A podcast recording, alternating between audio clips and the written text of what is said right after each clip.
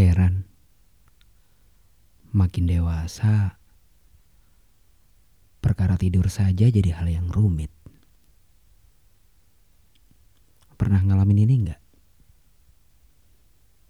Segala jurus, bahkan tutorial tidur cepat udah dicoba. Tapi rasanya masih sulit untuk dapat tertidur lebih cepat dan juga nyenyak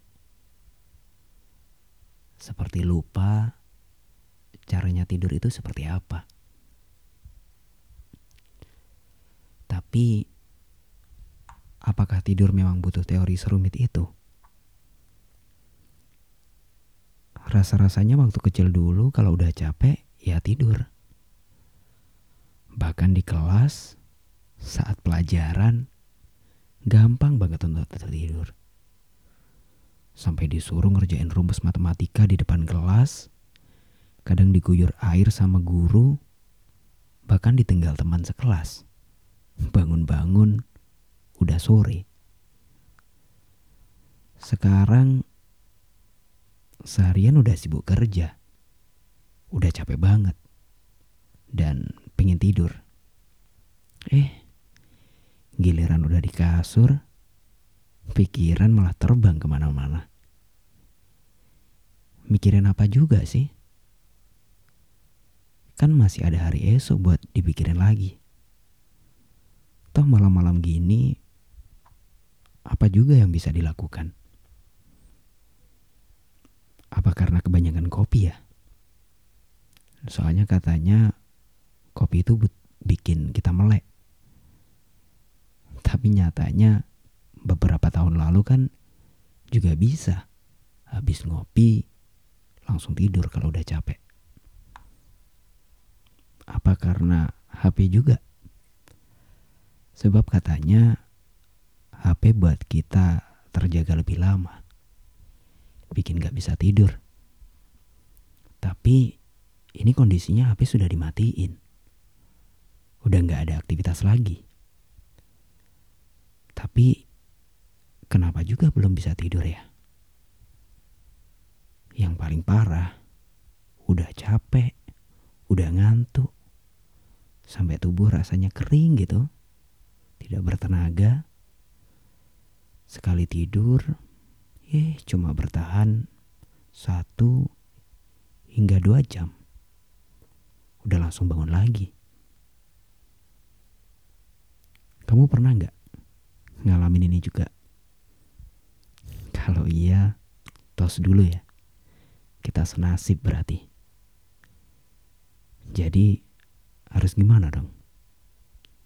Jadi PR besar ini kayaknya. Perkara tidur. Tapi bentar. Ada juga loh. Ternyata waktu yang paling gampang untuk kita tertidur. Pertama, buat yang cowok dan beragama muslim ini ya. Biasanya saat khutbah Jumat gampang banget buat tertidur. Terus kedua, yaitu waktu tarhim. Menjelang maghrib biasanya. Nggak tahu kenapa, waktu-waktu itu setannya kuat banget. Tapi gimana? Kalau kita coba sekali lagi. Sama-sama. Aku belajar. Mungkin kamu juga. Pertama, kurangi kopi. Terutama di jam 8 malam ke atas. Matikan handphone jam 10 malam dan berhenti scrolling di jam-jam itu. Otomatis gitu kan HP-nya mati. Terus bangun pagi, lanjut aktivitas seharian, terus menjelang tidur, bicara pada diri sendiri bahwa tak banyak yang bisa kita lakukan saat malam. Semua pikiran bisa dituangkan atau dikerjakan esok pagi. Buat yang muslim, mungkin bisa diawali dengan wudhu dan zikir sebelum tidur. Kebanyakan bergadang katanya membuat siklus tidur kita menjadi berubah. Jadi harus diperbaiki lagi. Yakni membiasakan tidur lebih awal di malam hari dan terjaga di sepanjang hari waktu siang. Semoga berhasil ya.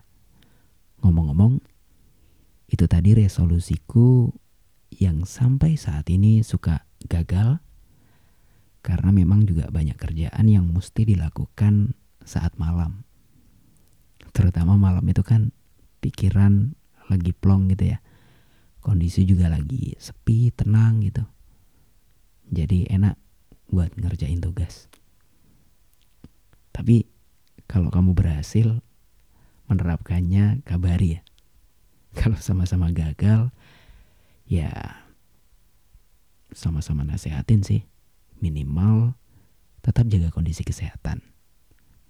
Kurang-kurangi mikir uh, berlebihan atau overthinking terkait kondisi masa lalu yang mungkin saja berupa penyesalan gitu ya. Dan masa yang akan datang yang bisa dikatakan juga sebagai kekhawatiran. Ya itu untuk nasihat saya pribadi sih. Kalau ada yang bermanfaat ya alhamdulillah kalau ternyata sama-sama gagal ya kita coba lagi deh. Coba lagi coba lagi sampai uh, bisa. Ya semoga sih ya. Oh ya malam ini podcastnya agak telat. Ini aku record jam 3 pagi. Karena nggak tahu juga mau, ngapa, mau ngapain gitu kan. Jadi bikin monolog mungkin habis ini langsung diupload mungkin kalian ingin podcast bareng juga bisa hubungi deh di uh, email atau sosial media saya. Jaga kondisi kesehatan ya.